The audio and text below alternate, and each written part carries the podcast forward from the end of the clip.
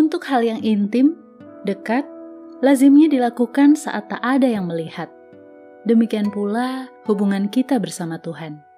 Itu hubungan pribadi, bukan untuk dipertontonkan. Dan tak seorang pun yang bisa mengintervensinya. Pun seorang pemimpin rohani hanya sekadar mengarahkan. Sebab semua itu tanggung jawab masing-masing langsung pada Tuhan.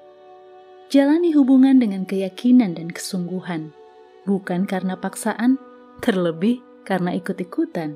Música